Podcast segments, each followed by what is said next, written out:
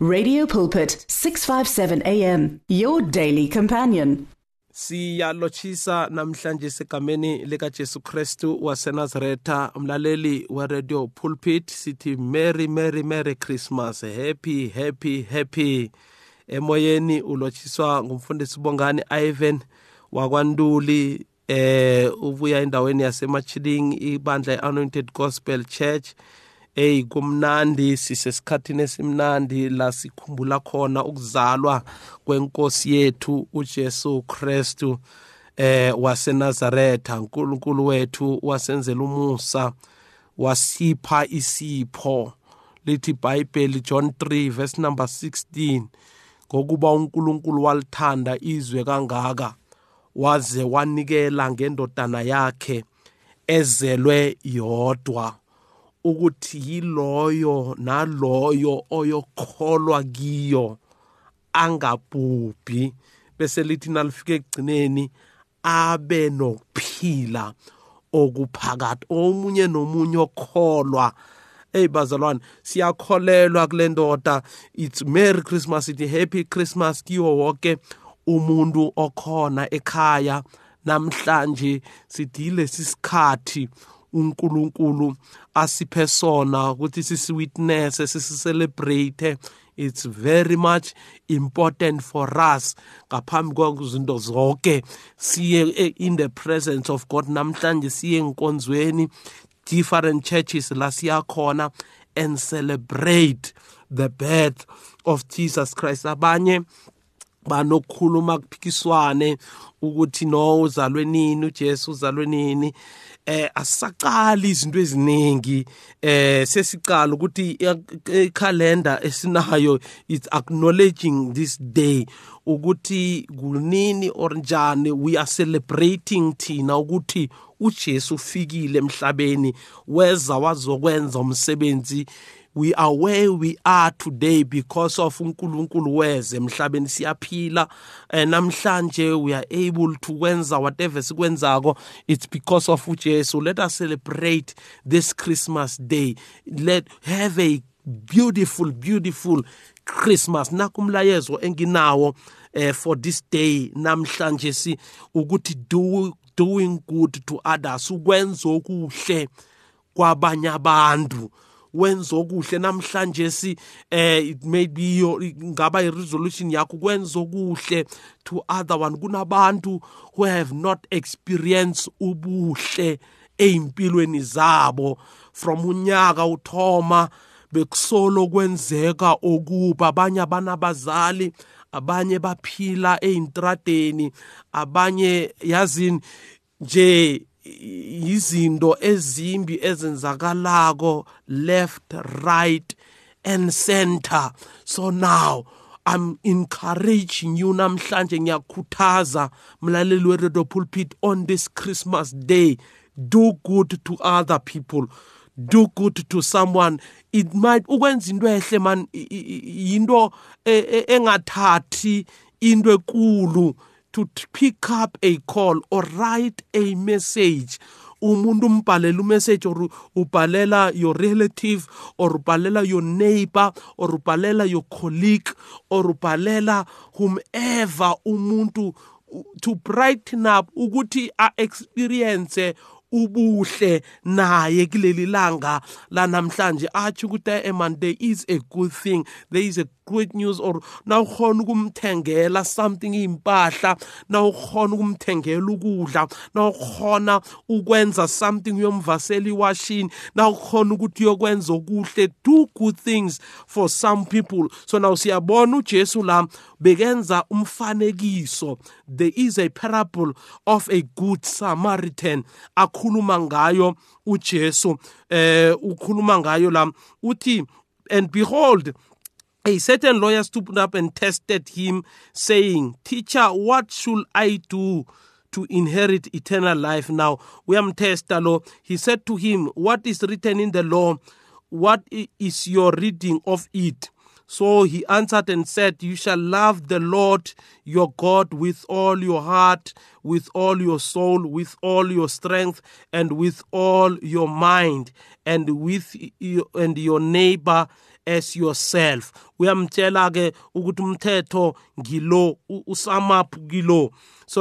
and he said to him you have answered rightly uh, do this and you will live uyamtshela kujesu njengoba uloya le iceda ukukhuluma lo mthetho lo uthi ujesu ukuthi ee eh, eh, ya ukhulume right then khambe okuwenza lokho but he, he wanting to justify himself said to jesus who is my neighbor so namanje ufuna ukuzilungisa ukuzijustifya le lawyer uthi manje ngubani umakhelwane wami ubuza ujesu ngincancabese lapho mlaleli weredio pulpit so now uyambuza ukuthi ngubani ke umakhelwane wami uthi ujesu then jesus answered to him and said uyamphendula umphendula ngalo mfanekiso-ke uthi uh, a certain man went down to, from jerusalem to jericho fell among the thieves who stripped him of his clothes clothing ne wounded him and departed leaving him half dead now, by chance, a Satan priest came down that road,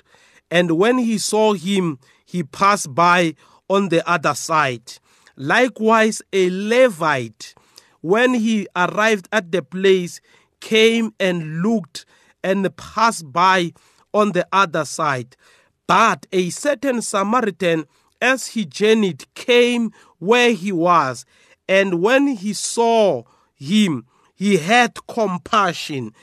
So he went to him and bandaged his wounds, pouring on a oil and wine, and he sent him on his own animal, uh, set him on his own animal, brought him to the, an inn, and took care of him. On the next day, when he departed, he took out two denarii, gave them to the innkeeper, and said to him, Take care of him, and whatever more you spend, when I come again, I will repay you. So, which of these three do you think was neighbor to him who fell um, among the thieves? Uh, and he said, uh, He who showed mercy on him. Then Jesus said to him, go and do likewise hamba nawe wenze kanjalo manje bekaphendula le lawyer ebeyizama ukuthi ibuze uJesu imibuzo so now manje umtshela ngokuthi kunendoda ebeyisuka ebeyisuka e, isuka isuka endaweni ethize isuka beyisuka phi le ndawo le ndoda isuka eJerusalema iya eJericho bekasuka eJerusalema aya eJericho manje endleleni wahlangana nabotsotsi bamkhuthuza bambetha bamchiya a half dead lithi lisho njalo ibhayibheli bamchiye a half dead nabamchiya half dead akhamba so now kweza umpristi umpristi wathi nakayibona le ndoda lithi ibhayibheli wayidlula azange abe nendaba eyi nkosi yami abantu abalimele sibadlule senze ngathi asiboni yinto ebuhlungu khulu ngendlela emangalisayo wayidlula lithi ibhayibheli kwesi-2 kweza umlevi ilevite nayo yenza the same njengompristi labantu abayi-two unga-expect unga ukuthi yemdele bamnakekele ngoba umpristi umpristi umuntu odila nento ezobusondo umpristi nomlevi nabo malevi babantu aba khulu khulu bafamiliya ba, ba abantu ebengathana benze isenzo esihle phezu kwalo muntu but boyi-2 bamdlule benze ngathi ababoni abantu o-expecta ukuthi bakwenzele intwehle mara bangakwenzeli abantu olindele kibo ukuthi yemdele bakwenzele o-expecta ukuthi laba bazongihelebha mara bangakuhelebhi bangakwenzeli lento ekufanele ngathana uyayithola so now manje la lo uJesu uveza lokho la ukuthi umlevi nompristi abantu engathanda bamhelebhile mara zange bamhelebhe kanenga okayohelejwa babantu abafanele bahelebhe yohelejwa babantu ongazi ukuthi babuyaphi uzimu abantu nabangabe eh, bekufanele bakulethele uhelebho nangabe bayarefuse ukuletha lelo helebho lelo uzimo uyokuvusa abantu abazokuhelebha wena so namanje bamdlula bese ngiyayithanda na ku-33 ithi but certain samarian but satan samarian yabona ithi a certain samarian yabona i-certain samarian omunye umsamariya as he journeyed nakadlula came where he was wathi nakambona waba nozwelo waba necompassion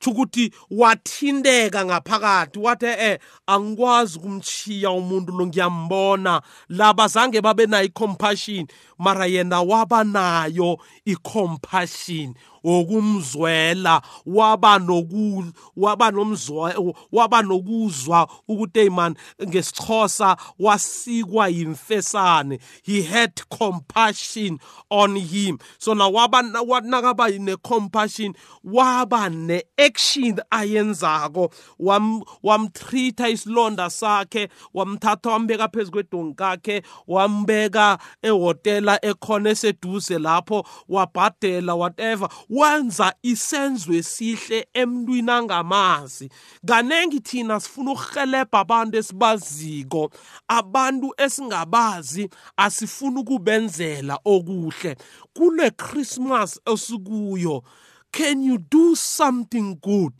ebantwini abaziko benze nabantwini ongabazi don't do good to people abakwaziko kuphela because ebantwini abakwaziko kuphela you will expect them ukuthi bakwenzele okhunye nawe kusasa mara nawuyenzelwa umuntu uyabona ukuthi uyahelebha kuhle kuhle siyokubona nawenzela umuntu ongamazi abantu abangabazi ukuthi ube ngiba nento yokuthi hayi akangazi nokungazi abangithindeki nokuthinteka thinteka emntwini obona ukuthi udinga uhelebho let us do good ngamanye amagama ujesu labeka-encourage la ukuthi we must do good uyabona bayibiza ukuthi the parable of a good samaritan this was be a good person ukuba i-good person sibona asikuboni ngoba nawenzela abantu abaseduze kwakho le nto le uyayi-expecta uyayi-expecta but nawuyenzela abantu aba-out of your circle siyabona ukuthi umuhle na uyenzela abangani bakho wenzela abantu bekhenu wenzela umndenakho wenzela umakho wenzela ubabakho it's, it's within your cycle mara ubugudi bakho siyobona na ubreaka icycle uthi akhe ngiyokuhelebha umuntu engingamazi ngimenzele into nginga-expecti nothing in return ngoba thina abantu sithi nasenza into ehle ebese sifuna ukuthi kube nento ebuyako ngaleso sikhathi kanti uzimu akakasenzi ukuthi emdelesibe yabona lo muntu lo sowenza ubuhle the good samaritan yingakho bathi it's a good samaritan umakhelwanakho thanda umakhelwanakho njengoba uzithanda wena lo hayi lo wakhe ehlanu kwakho kuphela hayi lo omaziko ngoba nivela noke ecommunity neyo umakhelwa nakho yilo muntu omthola astranded angazi ukuthi enzeni yes namhlanje kunabantu abatsotsanako mara yenza okuhle out of your heart nawunakho khona ukukwenza namhlanje ngikukhuthazela lokho mlaleli on a christmas day let us do good let us do good let us do good ubuhle bethu masingabenzi kuphela yenzela umndeni wakho yenzela abantwana bakho yenzela your family yenzela your neighbors but go an extra mile wenzele nalo ongamazi menzele nalombona emall ngaso sonke isikhathi menzele nalo kaningi umbona ahlupheka umbona ukuthi akananto yokuzenzela let us do good because of lento yilwe nto ujesu ebeka ngamanye nakatshela le loya amtshela ngalo mfanekiso ithe yinto ehle yinto ehlo yenzako and unkulunkulu okhona ukuriwada ubuhle esibenza in the secret is going to be able to reward you in the public and nasenza okuhle yenza okuhle yazini kwesinye isikhathi Eh, eh, yihle into ukuthi ushude nawenzela abantu izinto ezihle but akungabi yimotive yokuthi ufuna ukubonwa ukuthi ngenzela abantu into ehle akube yinto that comes from the heart sikwa yimfesana okwashiwa amakhosa usikwe yimfesana ube ne-compassion towards abantu abangasiright empilweni uthi no i need to do better ngifuna ukuthi ngenze okungqono by them i need to take care of them ngenze the least that i do man niyalikhumbula ivesi elisencwadini yakaMatthew chapter 25 ukuthi bengisejele azange nize bengilambile azange ningiphe ukudla bengomile azange ningiseza amanzi bengisoka ukhuluma uJesu akhuluma kilabo azobe ababeke eh, ngakolinye uhlangothi lakhe akhuluma this thing athi eh, eh bengenza lokhu ngenza lokhu now babuze bathi Jesu azange sikubone uvele uthi no as long as benikwenza kilaba benikwenza kimi uyabona ukuthi ukwenza kwethu okuhle kunasingenza okuhle kungenzeka ukuthi nalezulu esilifunako singakhona ukuli-accessa why nanoma siphilile ubungcwele nanoma sashumayela saqule emakerekeni senza whatever mara lento yokuthi si-neglect ukwenza okuhle ebantwini singakhona ukureflect ukukhanya esingikho senze good to other people uthola ukuthi ukuthi simise lezulu esilifunako ngenxa yokuthi azange senzo kuhle by other people so namhlanje on a christmas day i am encouraging you ngiphosa inselela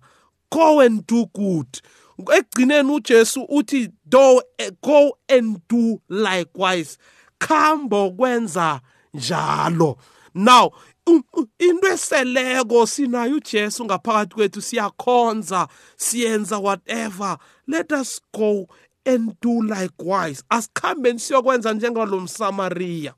kwesinye isikhathi wena ke kumthola limele kwesinye isikhathi angeke umthole abanjiyo abanjwe ikunzi kwesinye isikhathi uyomthola mhlambe uyahlupheka la khona go and do likewise to your neighbor, to each and everyone. Let us go and do good. Let us asenzeni abantu ba-experience ichristmas umuntu azizela ukuthi ichristmas yami imnandi namhlanje go and do good by your neighbor go and do good by your friend go and do good by abantu your community go and do good by someone ongamazi umenzelo kuhle It's what we are encouraging namhlanje on a Christmas day that let us do good by each and every one esihlangana naye la sikhona khona a mere thing a phone call the mali token of money that you have some of the grocery onayo kunezinto ongaziberekisi go and do good to someone kunabantu la ebandleni okhonza nabo kunabanye abanazo impahla abangazimbatha on this day abanye abangazibhatha on a daily basis you go and do good by your family go and do good by abantu abangakhona ukuzenzela